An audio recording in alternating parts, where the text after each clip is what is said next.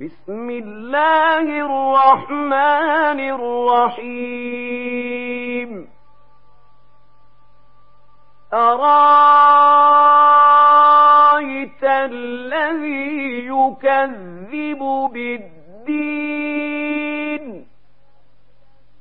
فذلك الذي يدع اليتيم. ولا يحض على طعام المسكين. فويل للمصلين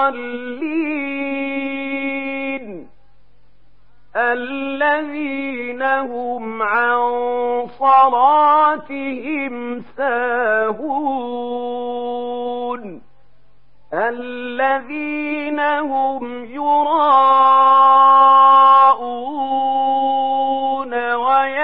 يراءون ويمنعون الماعون